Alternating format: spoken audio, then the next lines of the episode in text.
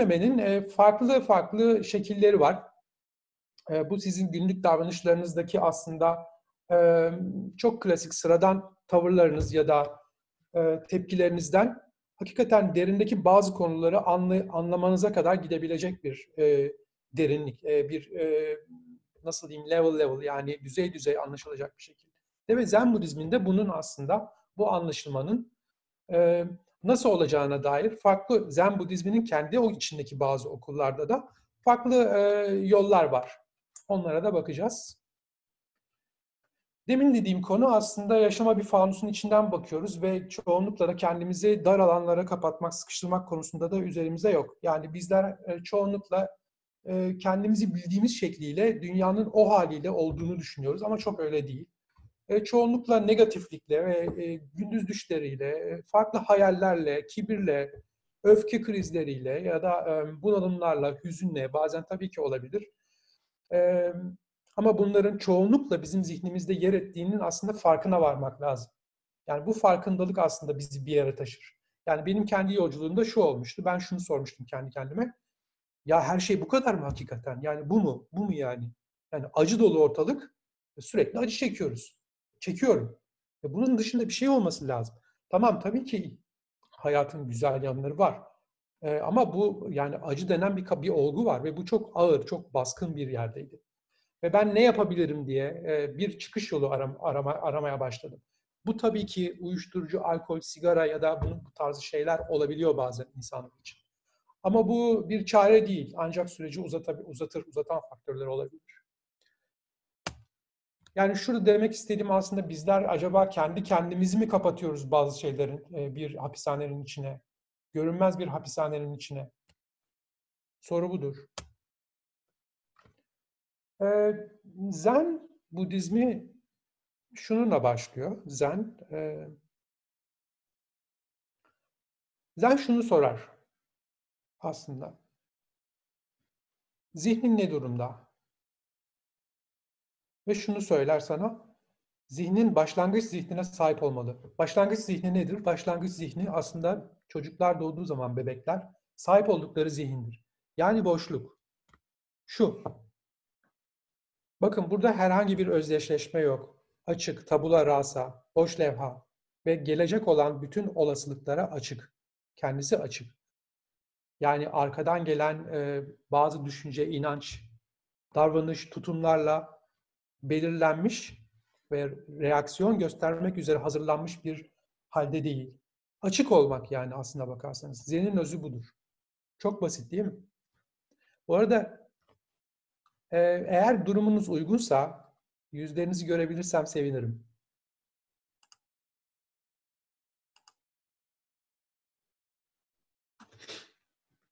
Soru sorabilirsiniz her zaman. E, Shoshin denen e, bu olgu en en önemli olgulardan bir tanesi Zen Budizmine ait olan. E, işe yeni başlayan bir insanın zihninde birçok olasılık vardır. Ustanın zihninde ise yalnızca birkaç tane. Bu şu demek, çok olasılığın iyi olduğu anlamına gelmiyor. Aslında çok olasılığın olması kafanızın oldukça karışık olduğu anlamına gelir. Eğer zihniniz sakinse ve zihninizin yüzeyi temizse Orada zaten ne yapacağınız çoğunlukla bellidir. Bunu anlatmaya çalışıyor. Ee, bunu koydum çünkü bu aslında iyi anlatan bir popüler popüler kültür e, enstrümanı olarak sinema da Son Samuray'ı izleyenler vardır herhalde aranızda değil mi? İzlediniz mi? Orada e, Jönümüzün, Tom Cruise'un e, girdiği bir, bir bir kavga sahnesi vardı. E, ve orada çocuklardan bir tanesi köyde, Samuray köyünde gelip ona no mind dedi çok fazla. Zihnin çok kalabalık diyor. Rakibini düşünüyorsun, kılıcını düşünüyorsun. Seyredenleri düşünüyorsun. Bu halde dövüşemezsin ki. No mind, zihniniz temizle. Ancak o zaman yapabilirsin bu dövüşü. Samuraylar arasında e, Zen Budizmi çok yaygın. Zaten samurayların diniydi aslında. Zen Budizmi. Bu e, bana hep şeyi hatırlatır. Yeniçerilerinde mesela Bektaşiliktir. O da aynı zamanda e, benzer bir yol aslında. Yani tam tamına olmasa da e, işi savaşmak olan insanların böyle bir yol aslında seçmiş olmaları, böyle pratik bir yol seçmiş olmaları belki ölüm korkusunu atmak üzerlerinden ve anda olmak aynı zamanda. Ama tabii bir de dikkatlerini son derece keskin bir hale getirmek de olmalı. Değil mi? Ne dersiniz? Yani savaşırken dikkatinizin son derece keskin ve odaklanmış olması gerekir ki Zen'de yaptığımız bu aslında Zen Budizminde. Biraz burada size e, otomatik pilot insanın mekanikliğinden bahsetmek istiyorum. E, biraz demin de bahsettiğim gibi aslında öğrendiğimiz inançlar küçükken annemizin babamızın bize anlattıkları, evde yaşanan bazı olaylar sonucunda yaşadığımız travmalar belki, duygusal çarpışmalar sonucunda bizde kalan o hisler, düğümler, arkasından büyürken e, etraftan etkilenmemiz, okulda öğret öğretilenler, bunların hepsi bizde bizim kendimiz diye düşündüğümüz ama aslında bize ait olmayan belki de bir takım e, davranış, tutum ve düşünce kalıpları ortaya çıkarıyor. Ve buna biz kendimiz diyoruz. Halbuki ne kadar kendimiziz onu bilmiyoruz. Ezoterik öğretiler her zaman bu sahte kişilik denen ve bu çağdaş psikolojide de false personality olarak geçen aslında mevhumu insan özünün çevresinden ayıklayıp, çekip ondan sonra kendi özüne uygun bir kişiliği yaratmak üzere aslında çalışmalardır. Ee, bunların bazıları işte Zen, Zazen, Zen Budizmi olabiliyor. Bazen Mevlevilik, bazen Sufizm oluyor. Kabala olabilir mesela. Ee, farklı kültürlerde, farklı dinlerde bunların batıni aslında ayrık olarak yani dinden sapkınlık olarak görülür aslında. Ama insan üzerinde çalışan e, ve e, göksel bir tanrıyla çok da alakası olmayan öğretilerde çalışıldığını görüyoruz. Otomatik pilot biraz şöyle, insan zihni aslında öyle koşullanmış durumda ki bizler kendisiz, kendi zihinsel durumlarımızı bile yani nasıl hissetmek istediğimize bile karar verecek bir durumda değiliz. Yani mutlu olmaya çalışırsın e, ama ne kadar süre mutlu kalabilirsin ki? Yani bir olay olur etrafında, bir yere gidersin ve o mutluluğun bir anda değişir. Hemen bırakırsın. Yani burada sen acaba şöyle bir şey mi diyor insan? Yeterince mutlu oldum şimdi bir sürede mutsuz olmak istiyorum falan. Böyle bir şey yok. Yani şunu anlatmaya çalışıyorum. Olaylar yaşıyoruz ve bizler bizlerimizin içinde otomatik bir reaksiyon oluyor. Dolayısıyla bu mekaniklik aslında bizim hayatımızı yönetiyor. Yani dışsal olarak bir şey olur ve biz mutlu olmaya bırakırız. Bir sürü düşünceler, duygular gelir. Birisi bize bir şey der, sokakta bir şey yapar, bir davranışta bulunur, bir tutumda bulunur ve biz e, bir davranışta bulunuruz ona karşı. Ve bu bu reaktif olma durumu aslında bizim hayatımızı yönetiyor. Ve biz diyoruz ki aslında bilinçliyiz, ne yaptığımızı biliyoruz. Acaba öyle mi? Yani kendi zihninizi düşünün. Zihninizdeki çağrışım, çağrışımsal düşünce akışını düşünün. Bunu belirleyebiliyor musunuz aslında? Belirleyemiyoruz. Düşünceler zihnimize geliyor ve gidiyorlar. Şimdi şu düşünceyi düşüneceğim diyebiliyor musunuz? Etrafınızda bir birileri bir şey konuşuyor, aklınız bir yere gidiyor. Oradan bir, bir düşünce, bir duygu çıkıyor. Yani bu çok e, öyle hani bilinçliyim ben derken aslında çok da gerçekte öyle bir şey yok. Yani bizim aslında yapmamız gereken belki de kendimizi gözlemleyerek ilk başta e, bu mekanikliği fark etmek, bu otomatik pilot olma durumunu fark etmek. Yani e, hal böyleyken çok ümitsiz mi? Değil. Çünkü insanın büyük bir potansiyeli var. İnsanın e, diğer canlılardan, diğer memelilerden farkı aslında yarım doğması. Diğer memeliler tam doğarken, hızlıca gelişirken, insan gelişimi biraz da e, onun tarihsel, evrimsel süreciyle alakalı olarak, yani bu işte e, yerde dört koluyla birlikte yürürken, tabii ki Darwin'den bahsediyorum, arkasından e, ayağa kalkması ve e, beyninin daha küçük doğmasıyla birlikte aslında e, bir gelişim fırsatı ortaya çıkıyor. Bu evrimsel biyoloji ile alakalı bir konu. E, ve insanın gelişimi aslında ölene kadar süren bir, bir e, olgu haline alıyor. Ve bu mümkün, değişim mümkün. Yani şunu söylemeye çalışıyorum, kurtuluş mümkün aslında bakarsanız. Yani e, Zen Budizminde yaptığımızda e, neye aslında dikkatini verirsen onu büyütürsün. Bu çok basit ama çok zor. Yani biz negatifliğe eğer dikkatimizi verirsek negatifliği büyütürüz. Ee, biz kendi kibirimize verirsek, kendi diğer insanlarla olan içsel hesaplarımıza verirsek dikkatimizi, onu büyütürüz. Eğer dikkatini kendini gözlemlemeye verirsen, bu sefer kendi içinde gördüğün aslında gözlemleyen ve gözlemlenen bir iki ayrı sen olduğudur. Gözlemleyen, gözlemleyen ben aslında duygularını, tutumlarını, davranışlarını, düşüncelerini görür. Böylece arada bir boşluk olmaya başlar. Bir boşluk sana her zaman fırsat yaratır. Zen Budizminin aslında amacı da biraz bu. Ee, bu beynin otomatik modu işte negatifliği söyledi. Burada negatifliği aslında e, biraz şöyle algılamak da mümkün. Yani biz peki pozitif mi olalım? İşte e, hayat aslında biraz polyanacılık mı falan? Hayır öyle bir şey değil.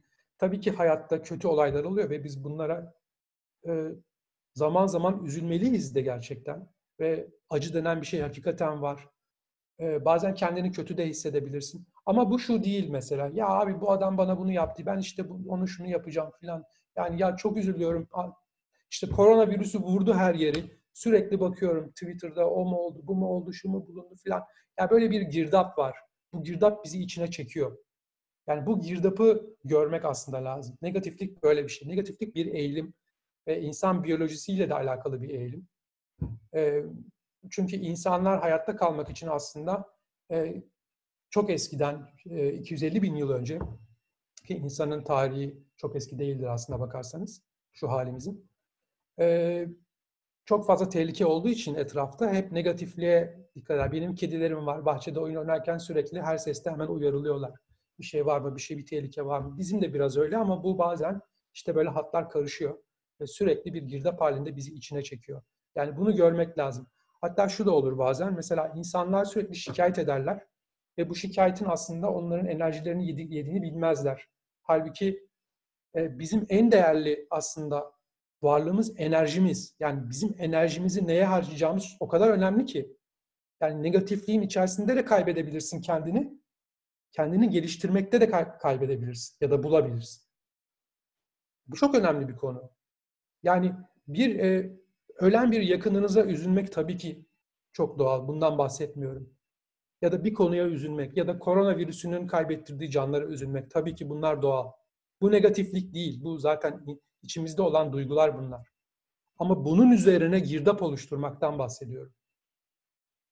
Ee, ve belli bir belli bir mesafede bakmaktan olaylara, konulara. Dolayısıyla o bir önceki slayttaki neye dikkatiniz dikkatinizi verdiğiniz çok önemli. Burada zihni kendi haline bıraktığınız zaman ruminasyon denen bir olgu var. Hemen hayaller üretmeye başlar. O sizin kendi içinizde e, her insanın kendi kişiliğine bağlı olarak ağırlıklı olarak gösterdiği bazı davranışlar vardır. Bu davranışların temelinde de çoğunlukla ya korku ya öfke e, bulunur. Ve e, bununla birlikte siz, biz yaşadığımız olaylara aslında hep belli taraflarımızdan tepki veriyoruz. Ve özdeşleşmelerimiz de hep burada oluyor. Özdeşleşme nedir? Özdeşleşme çıkan bir duygu ve düşünce ile bizim kendimizi bir sanmamızdır. Aslında şunu söylemeye çalışıyorum. Bizler düşüncelerimiz ve duygularımız değiliz. Onlar bizim sadece fonksiyonlarımız. İçgüdülerimiz de öyle. Yani bu ayrımı gördüğümüz zaman bize değişim için bir fırsat kalıyor. Öteki türlü bunun sürekli içinde kayboluyoruz. Özdeşleşme şu, birisi size bir şey söyler ve siz hemen otomatik bir cevap verirsiniz. Hemen bir duyguyla bir bir düşünceyle özdeşirsiniz ve ona bir reaksiyon gösterirsiniz. Halbuki orada dur demek lazım. Dur deyince çünkü ki e, duygular limbik sistemden çok hızlı hareket eder. Ve zaten çoğu insanın da travması olduğu için travmalar zaten bu reaktifliği çok e, yukarı çıkartır. Yani bir tetikleme olur. O tetikleme sonucunda siz hemen bir cevap vermek zorunda hissedersiniz. Çünkü sürekli tehlike altında hissedersiniz kendinizi. Özdeşleşmediğimiz zaman ne oluyor? Özdeşleşmediğimiz zaman farklı bir davranışta bulunma olanağını elde ediyoruz. Yani bir alan açılıyor. O ilk slide'da size gösterdiğim e, zen zihni başlangıç zihnidir. Bize bunu tanıyor aslında. Zihniniz boş olduğu zaman çünkü bunu yapabilirsiniz. Ve bu meditasyon pratikleri de aslında size bunu yapmanın yolunu, yordamını sağlarlar. e, dediğim gibi çoğunlukla kibir, korku ve öfke temellidir özdeşleşmeler. E, biraz bunu gözlemleyebilirsiniz aslında. Bu, bu yani insanlarla konuşunca genellikle e, hemen mesela şu anda da ben size bir şeyler söylüyorum. Sizin içinizde bir şeyler oluyor. Mesela bunu gözlemleyebilirsiniz. İçinizde ne çıkıyor mesela şu an bana karşı? Ya herif saçmalıyor, ne abuk subuk şeyler söylüyor mu diyorsunuz ya da ya hakikaten olabilir ya falan. Ya da belki aklınız koronavirüsüne gidiyor belki o anda. Yani bu mekanikliği görmeye çalışın. Çünkü bu çok önemli bir konu. Bunu görmezseniz değişim mümkün değil gerçekten. Olmuyor yani. Hep aynı yerde dönüp duruyorsunuz. Yıllar geçiyor ve hayat hakikaten çok kısa. Ee, şimdi tabii Zen Budizmi üzerine konuşurken e, Budist ilkelerden bahsetmemek olmaz. E, Budizm'de dört tane yüce gerçek var. Bir tanesi dukkha, yaşam acı doludur. Yaşam hakikaten acı dolu. Bunu söylemenin herhalde çok bir anlamı yok. E, acının farklı türleri var tabii. Bu bazen kaybettiğiniz bir yakınınız olabilir. Bazen yaşlanmanın kendisi olabilir. Mesela ben bunu e, hayatın bu döneminde biraz hissediyorum artık. E, e, tabii ki bu aslında benim ürettiğim bir şey aslında. Ama yine de var. Yani bunu itiraf etmem lazım. E, acıların sebebi olarak cehalet, açgözlülük ve öfke dediği Budizm'de e, acıların kaynağı olarak aslında arzuyu gösterir. Arzu yani bir şeyleri isteme ya da bir şeylerin sizden gitmesini isteme acınızın kaynağıdır. Yani ya aç gözlülük ya yani ya aç gözlülük olur. istersiniz sürekli, olmayınca üzülürsünüz. Ya da çok gitmesini isterseniz bu sefer gitmeyince yine üzülürsünüz. Gitmekten kastettiğim burada e, ne olabilir? Mesela birisine bir şey olmasını istersiniz. Olumsuz duygulardan bahsediyorum. Zevk verecek duygulardan değil. Olumsuz duygular da gitmez. Ve acıların sebebi budur aslında.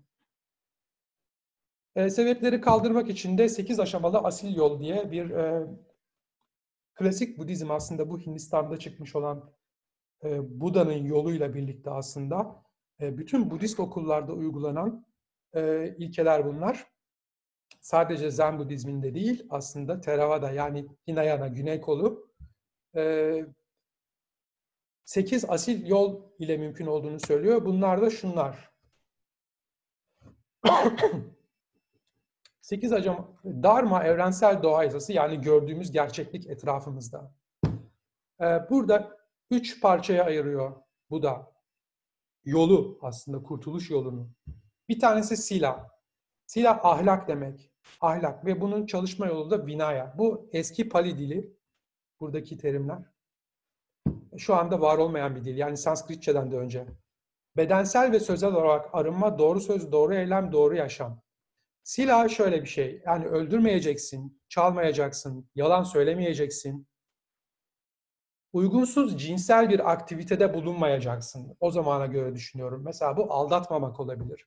Çünkü niye böyle bir şey? Çünkü sizin içinizle dışınız farklı olduğu zaman, yani aldattığınız zaman, yalan söylemek de böyle bir şeydir. İçten içe kendinizi sürekli suçlarsınız ve bu suçlama utanca götürür sizi. Bu da basic psikoloji. Yani e, ve bu, bu bunu sürekli yaşamanız aslında sizin mutsuzluğunuzun kaynağı olur. Doğru yaşam dolayısıyla önemli bir konu. Ahlak, e, mindfulness sadece dikkati belli bir yere bilinçli olarak vermek olarak aslında söyleniyor günümüzde ama aslında mindfulness öyle bir şey değil. Mindfulness'ın kaynağı Budizm belki eğer bilmeyenler için. Aslında Budizm'den de öncesi. Zihinsel konsantrasyon çalışmaları Budizm'den önce de vardı. Hinduizm'de de vardır mesela aslında. Ee, Buda ile farklılaşan bunun e, yolunun aslında aslında e, bunu çalışma pratiğinin son derece gelişmiş bir biçime dönüşmüş olması. Samadhi, e, zihinsel beden için samatha çalışma yolu, doğru odaklanma, doğru çaba, doğru zihinsel farkındalık. Burada samadhi aslında sizin zihinsel konsantrasyon çalışmalarınızın kendisi. Burada 3, e, 8 basamaktan olan 3 parçaya ayırmış. İlki ahlak. Yani ahlak olmazsa olmuyor. Bunların hepsinin aynı anda olması lazım. Budist öğretiden bahsediyorum tabii yani e, Budizme göre bunların hepsi mindful bir biçimde çalışılması gerekiyor. Hepsini gerçekten zihninizi, konsantrasyonunuz vererek yapmanız gerekiyor. Samadhi denen meditasyonun kendisidir. Samadhi'de amaç zihni sakinleştirmek değildir. Zihniniz zaten e, herhangi bir harekete, herhangi bir düşünceye, bir ışığa bir süre verirseniz zihniniz sakinleşir. Burada doğru odaklanma, nefes üzerine odaklanmadan bahsediyor. Doğru çaba, doğru niyet, doğru zihinsel farkındalık, e, zihin üzerine, zihni saflaştırmak üzere bir eğilim, bir niyetten bahsediyoruz. Önemli. Panya ise bilgelik olarak geçer. Panya, Samadhi'den sonra varılan şey, e, varılan olgu Budizm'de ve bunun çalışma yöntemi de Vipassana. Vipassana diye bir meditasyon var. Belki duymuşsunuzdur aslında. Vipassana, e, ben e, aynı zamanda Vipassana da yapıyorum. E, Goenka'nın öğrencisiyim. Bu ünlü tarihçi Harari var. Belki duymuşsunuzdur. Harari'nin kitaplarının bir tanesinin girişinde hocama beni uzun uzun dinlediği sorularımı yanıtladığı için teşekkür ederim der. Harari de bir Vipassana çalışan bir birey. Uzun yıllardır çalışıyor. E, Vipassana'da artık e, bilgelik, içgörü ve doğru niyet ve doğru e, gözlem şöyle bir duruma varıyor. Bedenimizle birlikte yani zihin tek başına değil, zihin beden birlikte kabul ediliyor. Aslında e, bu konuyu anlatmanın zorluğu şurada. Zihin ve beden aynı zamanda hem ayrı iki olgudur hem de aynı anda tek olgudur. E, dualizmin de ötesinde bir bir e, şaşırtma gibi gözüken aslında biraz sezgisel bir yolla sizin bunu kavramanıza yol, yol açacak ya da sizi sürükleyecek bir anlatım biçimi. E, Panya'da şöyle bir şey oluyor. E, demin size söylediğim bu e, insanın acıları, işte bu arzuları olmadığı zaman aslında o insanın bedeninde sankara denen düğümler oluşuyor sankaralar.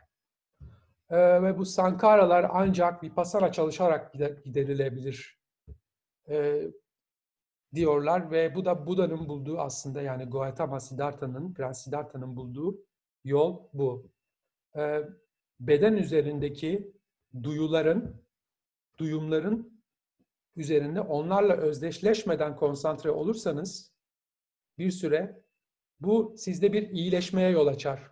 Bu yüzden aslında manastırlara, Zen manastırlarına ya da Vipassana manastırlarına e, benim hocalarımdan bir tanesi yabancı Yunan. E, burası bir hastane demişti. Burada insanlar iyileşiyor. Çünkü bu sadece zihin, zihni sakinleştirmek ya da zihni e, konsantre gücünü arttırmak değil aslında. Total bir dönüşüm yaratmak üzere yapılan bir çalışma. Öyle diyeyim. Ben bunun neresindeyim bilmiyorum. Çok başındayım yani. Belki. Sankaralar gidince bu sefer sizin e, o sahte kişilik dediğimiz travmalarla örülü, küçüklüğümüzden beri gelen, herkes de var emin olun az ya da çok, e, çözülmeye başlıyorlar ve böylece yeni bir kişilik yaratmak için size, kendiniz kimseniz yani benim için yani Fatih kimse, e, ona daha uygun bir kişilik yaratmak için bir alan açılmış oluyor. Kaç yaşınızda olursanız olur bunu yapabilirsiniz, bu imkan var. E, dolayısıyla e, Zen'i aslında bununla bu e, kaligrafi ile göstermek istiyorlar. Çünkü çok anlatılamıyor dediğim gibi. İnsanın iç varlığını görebilmesi yoludur. Zen kısaca budur. Yani çizerek anlatmak istiyorlar. Çünkü anlatınca çok anlaşılmıyor. Burada dediği gibi Zen yolu aslında çok e, diğerlerinin, diğer Budizm türlerinden biraz farklıdır. Budizmin şöyle biraz bahsedeyim kısaca. E, Hindistan'da çıktıktan sonra iki, iki kola ayrılıyor. Bir tanesi kuzey, bir tanesi güney Budizmi. Kuzey Çin, Çin'e varıyor ve Çin'de Daoizmle, Daocu e, pratiklerle çok kaynaşıyor. Çinliler çok pratik insanlardır. Ve e, Budizm'e de bunu veriyorlar. Ve ayakları yere basan, e, göksel tanrı fikirleriyle ilgilenmeyen, e, daha kolay, daha basit ve seküler bir anlayış geliştiriyorlar. Sekülerden kastım şu, e, tanrısal bir e, Buda figürü yok. Güneyde biraz bu var. Yani Theravada ya da Hinayana Budizminde. Güneydeki Tayland, işte Sri Lanka, Malezya e, gibi ülkelerde, Güneydoğu Asya ülkelerinde mesela gitmişseniz belki bilirsiniz. E, orada mesela manastırlarda çok rahat hareket edemezsiniz. Böyle polis gibi beklerler başında falan ve her hareketinde çünkü günahtır yani günah kavramı vardır. Ama Zen Budizminde günah kavramı yoktur mesela. Tanrı kavramı da yoktur. Sekülerdir yani. Yani dinle bir alakası yoktur. Hele kurumsallaşmış dinle hiçbir alakası yoktur. İki kelime. Bir tanesi cesaret, diğeri de merak. Çünkü bu ikisi de iyileştirici kavramlar. Yani cesur olmadan, kabullenmeden harekete geçemezsiniz. Ve merak çok iyileştirici bir olgudur. Merakınız varsa iyileşme adayısınızdır. İyileşmeden kastım sadece hasta olmakla ilgili değil. Yani yukarı çıkmak. Çünkü e, bunalımlar ya da travmalar bizleri içeri kapatır ve yukarı yükseltir. Beyin bölgesine yükseltir. Ama merakın kendisi aslında ve cesaretle oluşturabileceğiniz içsel dönüşüm sizi yerle aslında ilişkinizi daha sağlam kılar. Yani andalık aslında bakarsanız meditasyonla kazanacağınız andalık burada olma durumu sizi dünyaya bağlar. Ama depresyon, bunalım e, ve travma sizi buradan götürmeye çalışır her zaman. E, belki bilirsiniz cenin pozisyonda insanlar yataklarında böyle günlerce kalırlar, yaşarlar. O hale getirebilir. Neyse, e, ileriki Budizm'de, Zazen'de aslında dış dünya ve iç dünya diye kavramlar yoktur. E, bir tane evren vardır. E, ama aynı zamanda vardır da. Yani hem içim hem dışım da vardır. Yani böyle bir e, daha çok nasıl dilemma, bir e, çıkmaza sokar sizi. Ama kesinlikle iki dünya yoktur, onu söyleyeyim. Yani dış ve içerisi yoktur. Dolayısıyla bunu fark etmek gerekir. Denetim, e, meditasyon yaparken, meditasyon pratiği sırasında hayalleri bırakmanız istenir. Yani denetleme, yani zorlama kendini. Çünkü bu zorlamanın kendisi de belli bir güdüye dayandığı için sizin meditasyonunuzu engelleyecektir. Zihninizi konsantre edemezsiniz. Ee, zihin dalgaları şöyle bir şey ya hepimizin içinde e, zihnine sürekli bir takım düşünceler, hayaller, duygular, düşünceler, resimler, müzikler sürekli gelip gidiyor ve bunların e, aslında kendi içimizden kaynaklandığını görmek lazım. Zihnin dalgaları aslında zihnin içinde üreyenler aslında dış dünyayla çok alakalı değildir. Dış dünyadan gelen etkilere karşı olsa bile dış dünyayla alakalı değildir. Çünkü siz aldığınız o izlenimi içinizde bir yerden cevaplıyorsunuz. Dış dünyada bir şey oluyor ve size içinize bir size bir izlenim geliyor. Ve o izlenim siz izin verdiğiniz yere düşürüyorsunuz içinizde. Yani ve bunu aslında burada sizin bir seçim yaptığınızı bilmeniz lazım. Hani insanlar der ya beni çok kızdırdı, ya bana bunu yaptı işte nasıl olur filan. Yani aslında o sizin içinizde oluyor. O kişiyle alakalı değildir. Şöyle söyleyebilirim. Aynı olaydan bin bir türlü farklı sonuçlar çıkarabilecek aynı mekanda insanlar olabilir. İnsanların tepkileri farklılaşabilir. Dolayısıyla kişiselleştirmemek gerekir aslında. Herkes e, büyük büyük ihtimalle çocukluğunda yaşadığı bir şeyleri sürekli projeksiyonunu yapıyor dışarıya. Tepkilerimiz onlardan oluşuyor.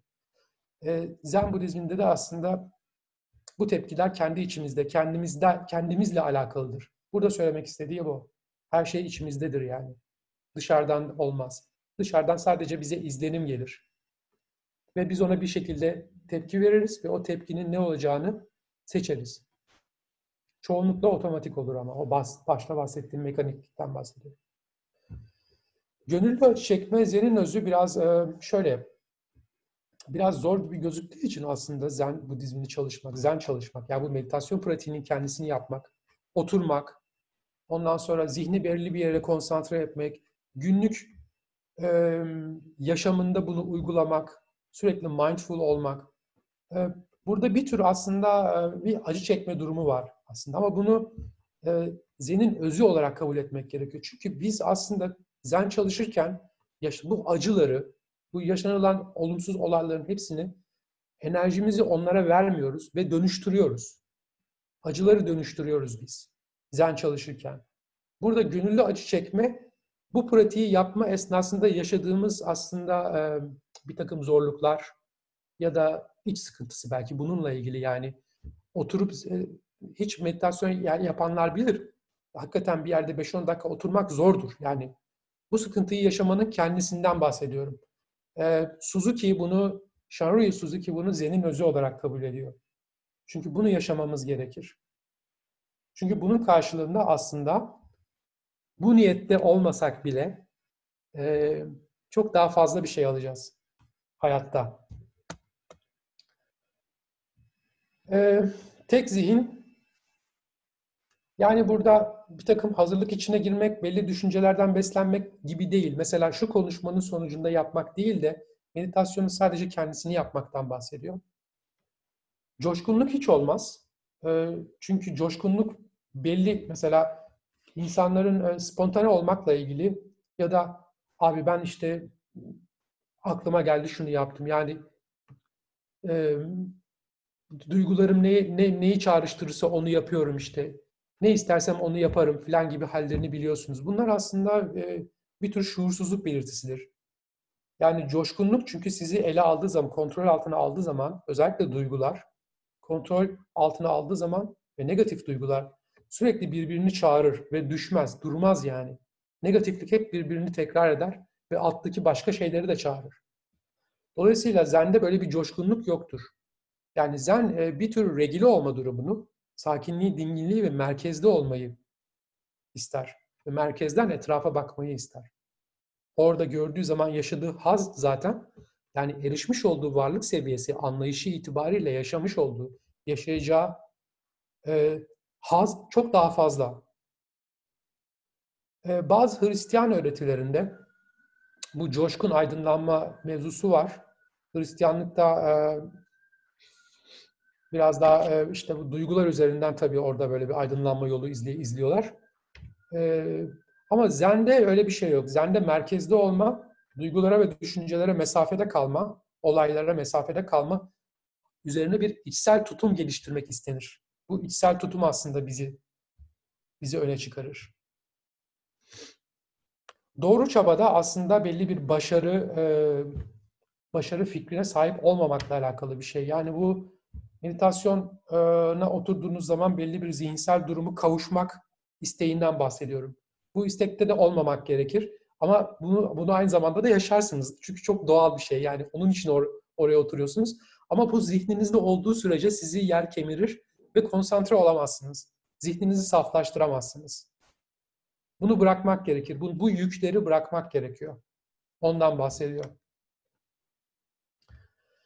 Aydınlanmaya ulaşmaya çalışmak da böyle bir şey. Zen Budizminde aydınlanma e, yani Satori ya da Sanskritçe Nirvana denen kavram e, böyle çok coşkulu bir bir, bir anda bu Lucy'deki filmi bilmiyorum izlediniz mi gibi ya da Matrix'teki gibi e, böyle sayıların bir anda dökülmesi, piksel piksel olması gibi tarif edilmez. Belki vardır bilmiyorum ama Zen Budizminde, Zen'de daha çok sizin meditasyona oturduğunuz zaman o postürde ve o zihinsel konsantrasyonla nefesinize konsantre olduğunuz anın kendisi aslında zaten aydınlanma olarak tarif edilir. Dolayısıyla bir yere ulaşmanız gerekmez. Bu sizin günlük pratiğiniz olduğu zaman zaten sizi belli bir yere götürecektir.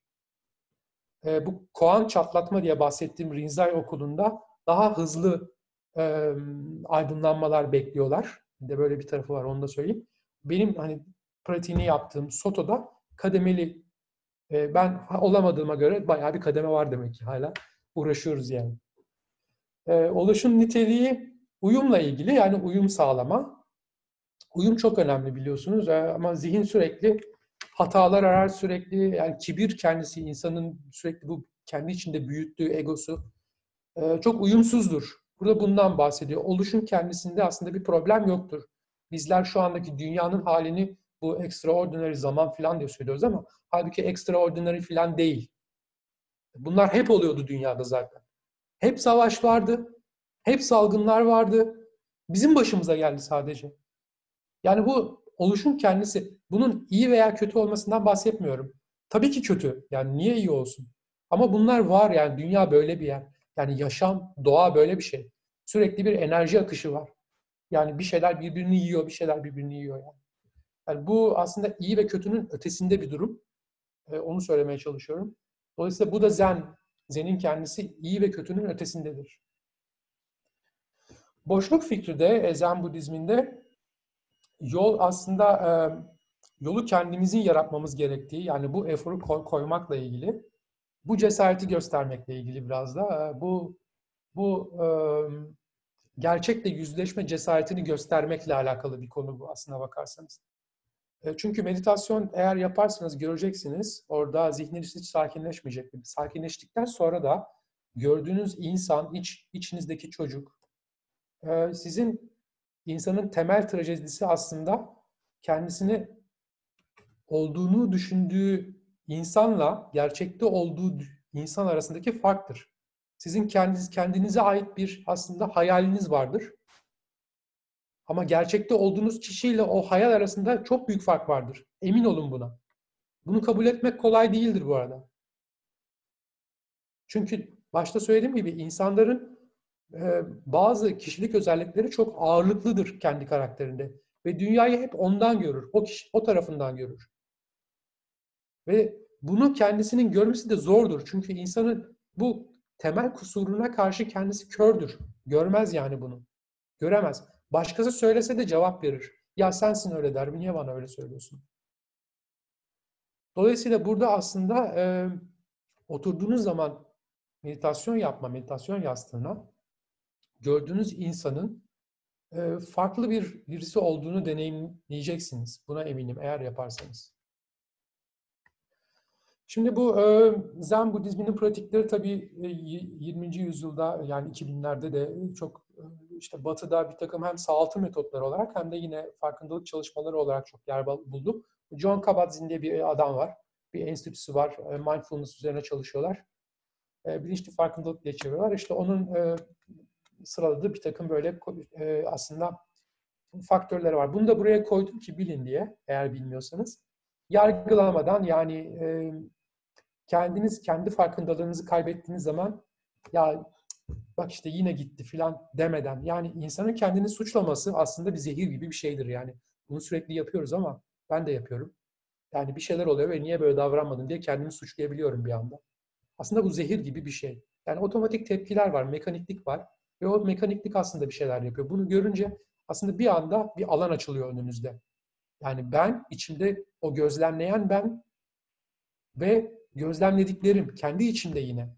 Onlar başka şeyler. Ve onlar otomatik cevap veriyor. Çoğu zaman. Ne kadar zaman araya girip de ben onları yönetebilirsem o kadar iyi. Ama bazen olmuyor. Bu olmadığı zaman da işte kendinizi yargılamayın diyor yani. Meditasyon pratiklerinde de özellikle bu çok e, vurgu yapılan bir konudur. İnsanın kendisine şefkat duyması çünkü buna çok ihtiyacımız var. Çok öfkeliyiz yani çok öfke duyuyoruz. İnanın birisiyle bir konu, bir, bir sorun yaşadıysanız işinizde, patronunuzda, ait olduğunuz camialarda, insanlarla sorun yaşıyorsanız öfkeniz sadece onlara olmuyor. Kendinize de oluyor. Bunu gözlemlemeye çalışın. Ve bu çok e, zehir gibi bir şey yani. İnsanın kendisine şefkat duyması lazım. O yüzden asıl vicdan budur.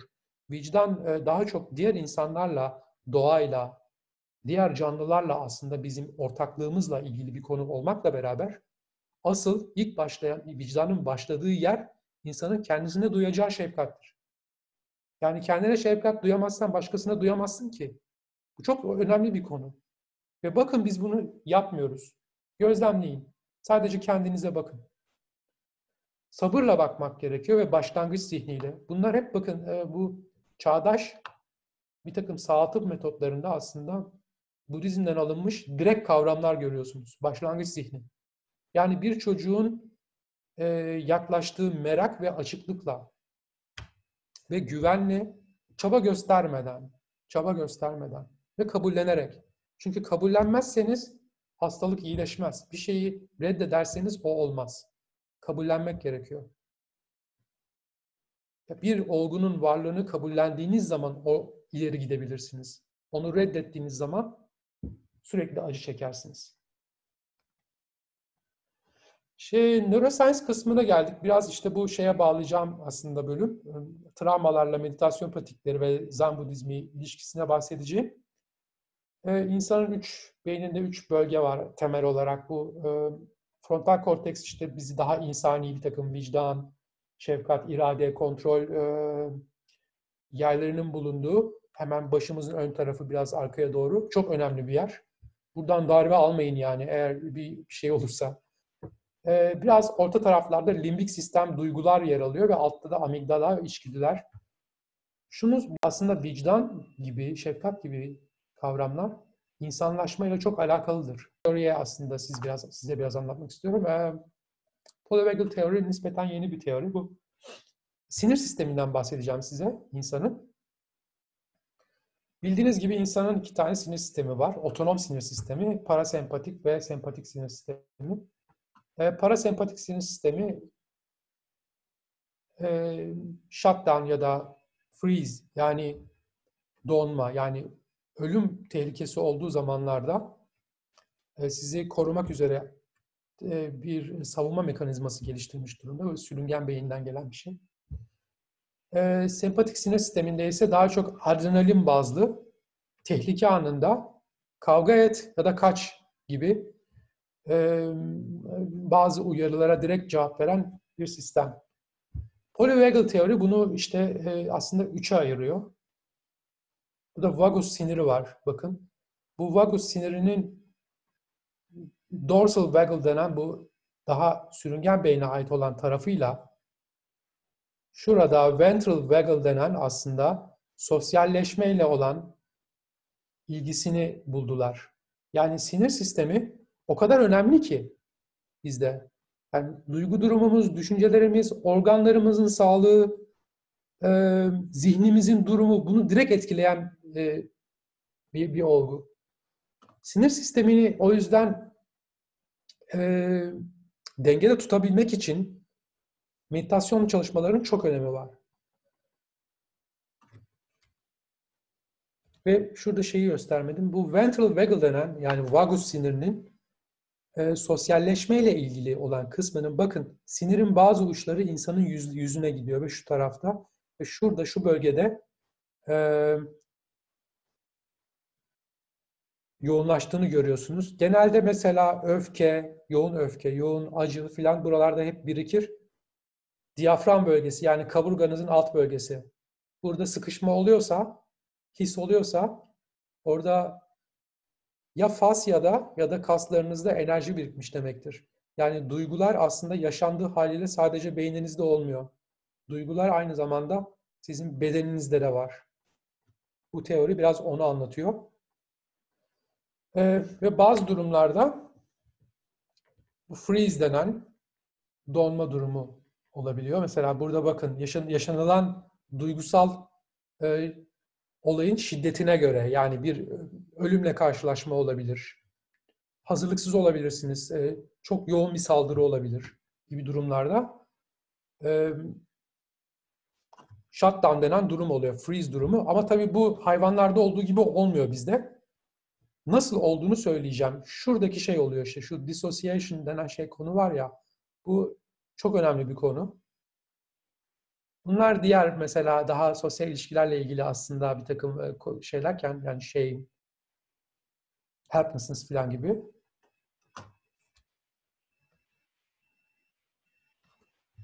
Bakın burada freeze'de I can't durumu var. Hiçbir şey yapamıyorsunuz burada.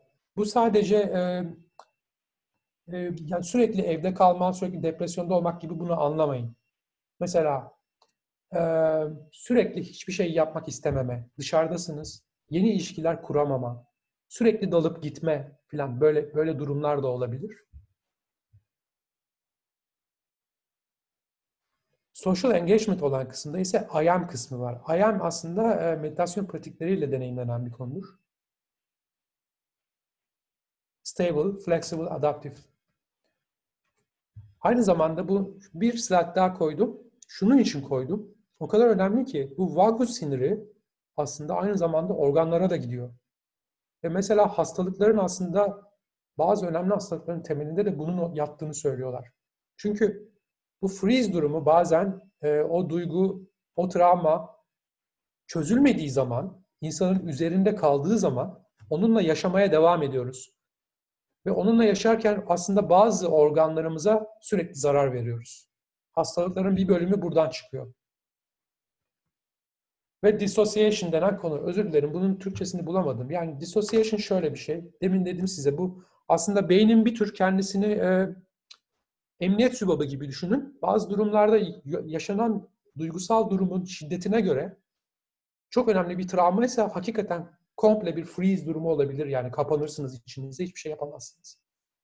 Ve bazen böyle e, kişilik bölünmelerine kadar yol açabilen durumlar oluyor. Çünkü e, acıdan kaçma oluyor. Yani yüzleşemiyor zihin onunla. Ve bazı durumlarda ise çok daha günlük hayatın içerisinde mesela aklınıza sizi rahatsız eden bir anınız gelir. Bir anda değiştirirsiniz. Gözünüz oynar. Ayağınızı sürekli sallarsınız. İşte dalarsınız mesela. Bu çok olabiliyor. Yani bu travma çalışmalarında aslında bu Peter Levin'in falan belki duymuşsunuz somatik deneyimleme gibi ya da TRE var, Trauma Release and um, Exercise diye.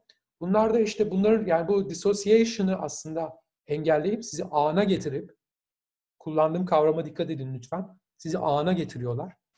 Buraya, dünyaya getiriyorlar. Travmayı, travmayı proses etmenizi sağlıyorlar. Kullandıkları yöntemlerle. Ee, bunu söyledim. Ve şurada bakın, bu e, acil durumlarda duygularınızı ve tepkilerinizi yönetmeniz için gereken beş adım. Bu e, Uluslararası Trauma ve Healing Institute diye bir önemli bir kurumun yayınladığı bir e, acil durum belgesi aslında bu, e, broşür. Şu adım dört var ya,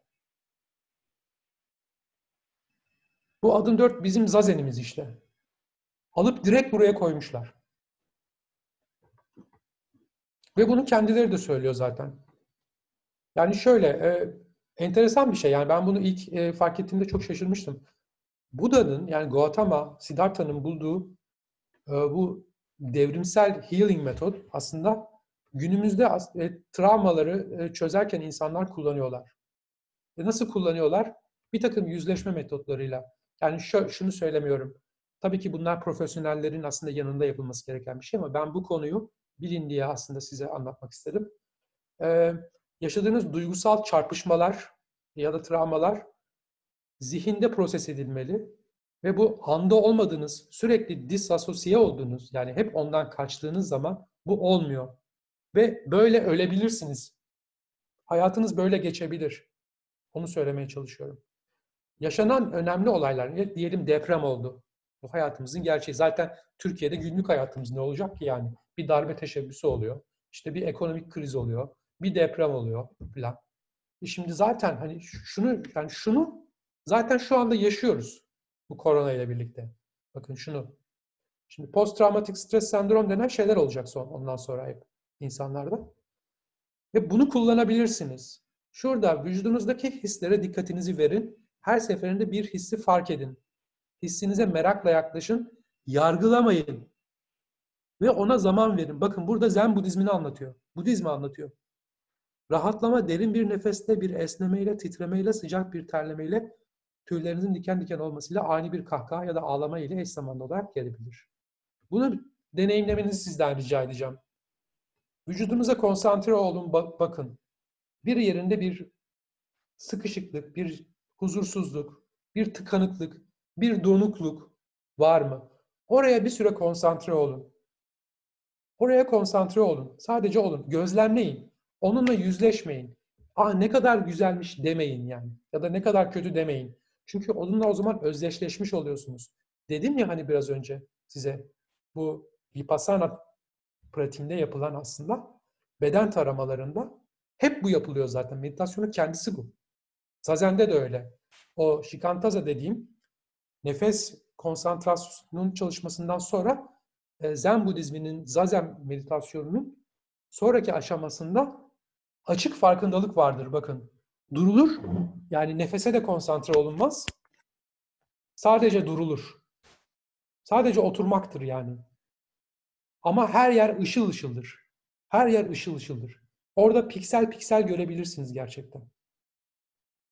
Öyle bir farkındalık anı olur ve bu sadece zihninizde olmaz. Çünkü sizin bedeniniz zihninizden ayrı değildir. Niye ayrı değildir? Vagus siniri var abi görmüyor musun? Organlarına bile gidiyor. Her yerimiz zaten zihnimiz yani. Her yerimiz. Onu söylemeye çalışıyorum. Bu kartezyen düşünce yani ile birlikte aslında dualizm yani beden zihin e, ayrılığı şu anda birleşmiş durumda. Yani bilimde de birleşmiş durumda. E, çağdaş psikoloji, çağdaş psikiyatride de ve nöropsikolojide de aynı zamanda nöroloji, nörolojide de aynı zamanda. E, dolayısıyla meditasyon yaparsanız aslında iyileştirici bir etkisi vardır. Onu söylemeye çalışıyorum. Travmalarınız da geçer. Size başta dediğim bu inzivalarda işte benim Yunan hocamın dediği e, burası hastane dediği aslında olgu o. E, birazdan size bir takım farkındalık pratikleri anlatacağım. Günlük hayatında, yatay hayatınızda yapabileceğiniz. Aslında sunum bu kadar. Biraz kısa tutmaya ve e, size Budist terimlerle e, eski Pali dilinde birçok böyle anlaşılması, kavranması zor bazı terimlerle boğmamaya çalıştım.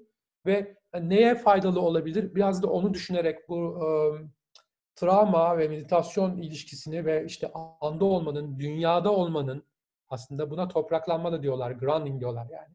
Yoga yapanlar bunu çok iyi bilir. Neden önemli olduğuna dair aslında bazı kendi bilgilerimi, kendi tecrübelerimi tabii bunlar benim tecrübelerim aslında. Size onu, sizlerle onu paylaşıyorum. Yani kendi tecrübelerimi paylaşıyorum. Hepsi benim yaşadıklarım şey, yaşadığım şeyler. Ee, bu aşkın durumların iki tanesini, bir tanesini şeyde e, Afganistan'da e, bir e, bir belgesel çekmek için Afgan, Afganistan'da Pamir Dağları'nın tepesindeyken aslında ben yaşadım. O yani uzun yıllar yaptığım meditasyonun etkisini orada çok net gördüm. Ee, tabii yine kolay olmuyor çünkü şöyle bir şey yaşıyorsunuz.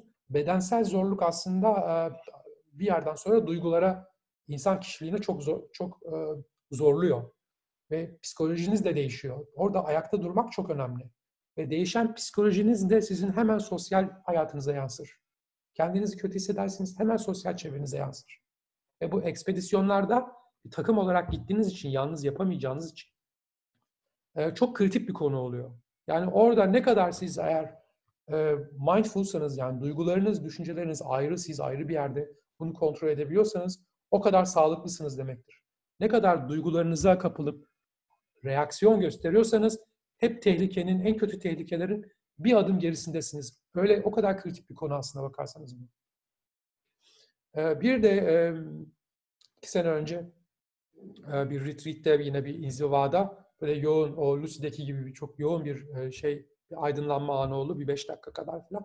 Ama sonra geri gitti. Ya bu böyle bir hani sürekli bir aşkın, böyle bir aydınlanmış Buda figürü gibi bir şey değil. Yani bunu hep günlük hayatın içinde de yaşamak gerekiyor. Günlük hayatın içinde nasıl yaşarsınız? Mesela bakın e, bu negatifliğin ifade edilmemesi çok önemli bir konu. E, geçen gün bir videoda izledim. Bir, Amerikalı bir araştırmacının yaptığı aslında beyzbol takımlarını na psikolojik koçluk yapan birisi. Ve beyzbol takımlarında yani şöyle bir şey bulmuş. Adam bunun üzerine bir kitap yazmış. Yeni yeni bir şeyden bahsediyorum. Ya bir iki aylık. Negatifliği yani çıkacakları maçla ilgili onlardan yorumlarını yapmamalarını istemiş. Tek istediği bu. Negatif konuşmayın aranızda. Tek istediği bu. Ve takımın performansı artmış. Bu kadar önemli. Çünkü yani bu hani hep diyorlar ya ya işte böyle konuşuyorsun, bunu çağırıyorsun, senin başına oluyor falan. Ya ben bunlara mistik anlamlar, böyle bir takım doğaüstü anlamlar, enerjiyi falan o bu yüklemiyorum. Bu bununla alakalı bir şey değil. Siz kendinizi programlıyorsunuz. Kendi kendinizi kendi potansiyelinizin altında çalışacak şekilde programlıyorsunuz. Tamamıyla bununla alakalı bir konu. Diğeri var mı yok mu bilmiyorum. Beni ilgilendirmiyor. Belki de var. Çok önemli değil. Ama siz kendinizin kötü bir performans göstereceğinizi söylerseniz kötü performans gösterirsiniz. Bu kadar basit yani. Atla deve değil ki. Ee, burada bu gündüz düşleri bakın çok önemli. Çok enerji harcayan şeyler bunlar. Neden bunlar? Çünkü enerjimiz çok kıymetli. Çünkü enerjimiz sonsuz değil. Enerji hemen biten bir şey. Hemen yorulur insan yani. Enerjimiz çok azdır. Susarsın, bir şey yemek istersin. Beynin bulanır. Zaten şeker düşünce hemen beyin bu sefer bulanmaya başlar. Doğru düşünmeme başlar. Çok kolaydır. Bunlar işte hep enerjiyi harcıyorlar. Enerjiyi harcamamak için. E, harcamayan enerjiyi neye harcayacaksınız? Daha ince enerjilere harcayabilirsiniz. daha ince izlenimlere harcayabilirsiniz. Şiir gibi, sanat gibi, müzik gibi mesela. Dolunay Obruk vardı orada. O iyi bilir. Ee, alışkanlık haline gelmiş davranışların değişmesi bu alışkanlıkların davran mekaniklik haline geldiği için aslında alışkanlıkların değişmesi çok önemli bir konu. Çünkü şöyle bir şey iyi bile olsa aslında mesela e, değişmesi gerekiyor. Çünkü mekaniklik mekanikliği çağırıyor. O yüzden e, şöyle bir e, çalışma yaptırıyorlar. Bir süre diyelim diş, diş dişinizi sol elinizle fırçalayın. Yani ve bunun ne kadar zor ve farklı geldiğini göreceksiniz. Ve bu bir anda zihninizi, beyninizi şaşırttığınız için aslında sizi uyandıracaktır. Farkındalık yaratan bir şey yani bu. Ve zaman zaman bunu tekrarlamak gerekiyor. Çünkü beyin fazla enerji harcamamak için her şeyi otomatikleştirmeye çalışıyor. Her konuyu, her olguyu. Bu bazen bir düşünce silsilesi de olur. Buna dikkat edin bakın. Düşünce, kötü düşünce silsileleri hep birbirini çağırır yani. Hep o gelmeye başlar gözünüzün önüne. Burada bazı mekanik e, aslında e, bir takım insan davranışları ben söyledim. Bunlar Zen Budizminden değil. E, mesela uzun konuşma. Bazı insanlar çok uzun konuşur. Bunu gözlemleyin sadece. Bu mekanik bir şeydir. Anlatacakları çok olduğundan değil. Yani zor olan uzun konuşmak değildir ki. Zor olan aslında az ve öz konuşmaktır. Çünkü az ve öz konuşacakken konuşmanız gerekiyorsa kavramları ve düşüncelerinizi o örüntüyü toparlamanız gerekir. Doğru ifade ve iyi ifade edebilmek için. Kolay değildir. Uzun konuşmak çok kolaydır. Bir de bazıları mesela bunu ya biz bundan besleniyoruz falan diye söylerler. Halbuki enerjinizi yer bitirir, gider yani. Bu laf ebeliği biraz böyle hani biraz bu aslında akıl, çok akıllı olmak falan gibi komedyenlerde olan bir şey bu. Abi ne zeki adam ya hemen lafı gelini oturttu falan derler. Halbuki öyle değildir. Yani laf ebeliği son derece e, reaktif bir şeydir, bir konu ve sadece sizin biraz kurnaz olduğunuzu gösterir. Yani ağzınız laf yapar. Ama çok mekanik bir şeydir ve çok da ego doludur aslında. Ve yani Budist pratikten gelerek aslında biz egonun var olmadığını düşünüyoruz. Çünkü biz bir, bir büyük bir e, bütünün bir parçasıyız. Bunu görmek lazım. Dolayısıyla e, laf ebeli iyi bir şey değil. Sürekli haklı olma bu iddiası bu. Hepimizde olan bir şey. Herkes bakın sürekli haklıdır. Olamaz abi böyle bir şey. Herkes haklı olamaz ki. Şundan bahsetmeye çalışıyorum. Böyle bir eğilimin varlığından bahsetmeye çalışıyorum kendi içimizde. Yani sürekli haklı olamazsın. Bazen olabilirsin sürekli haklı. Bazı durumlarda olabilirsin üst üste. Bunun mekanik olduğunu görmeye çalışın. Çünkü insanlar bunu söylerler. Haklıyım abi bir dakika ya filan. Ben haklıyım. Yani bunun ne kadar kibirle ilişkili olduğunu göstermeye çalışıyorum. Bu çok mekanik bir şeydir. Otomatik olarak olur. Sizin kişiliğinizi, kişiliğinize sızmış olan kibirden bahsediyorum. Egonuzun büyümüş olan. Yani benim, sizin derken. Benim tabii ki. Yani egomun büyüklüğünden bahsetmeye çalışıyorum. Ya bu sürekli haklı olamam ben yani bir kere. Kaldı ki haklı bile olsam bunu görmesi daha zordur. Haklı olunca bunu görmek daha zordur. Dinlerken cevabı düşünme. E, size bir aslında bir pratik bir vermek istiyorum burada. E, bu session bittikten sonra yarın, öteki gün falan bunu yapmaya çalışın.